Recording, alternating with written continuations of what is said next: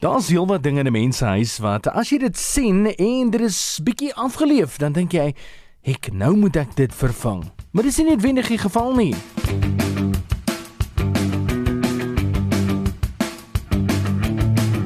Kom ons begin by stortgordyne.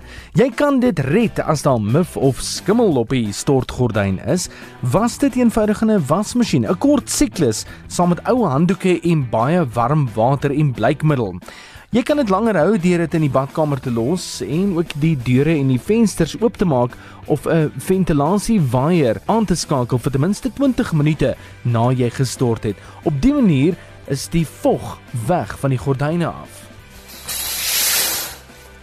Nou dat die gordyn uit die pand uit is, daar's niks so irriterend in 'n kombuis soos 'n beskadigde mes nie. Jy kan dit red deur dit na verskeie plekke toe te maak sodat hulle die mes se lem weer vir jou kan skerp kry.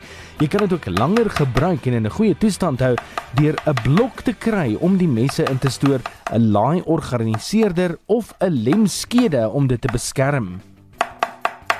Net so. Wat van jou gunsteling rusbank? Maar die oomblik wat jy gaan sit, dan voel dit omtrent asof jy deur hierdie rusbank val. As die bekleedsel nog goed lyk, verwyder die spons vulsel en neem dit na 'n spesialis in jou area. Daar is mense wat hiermee werk. Dan kan hulle dit vir jou regmaak. Jy kan ook jou banke se leeftyd verleng deur die kussings om te draai elke paar maande om seker te maak dat die spons geleidelik uitsak in plaas van net van een kant af. Dan is ook die eeue oue tragedie van die mense houtmeubels wat agteruit gegaan het.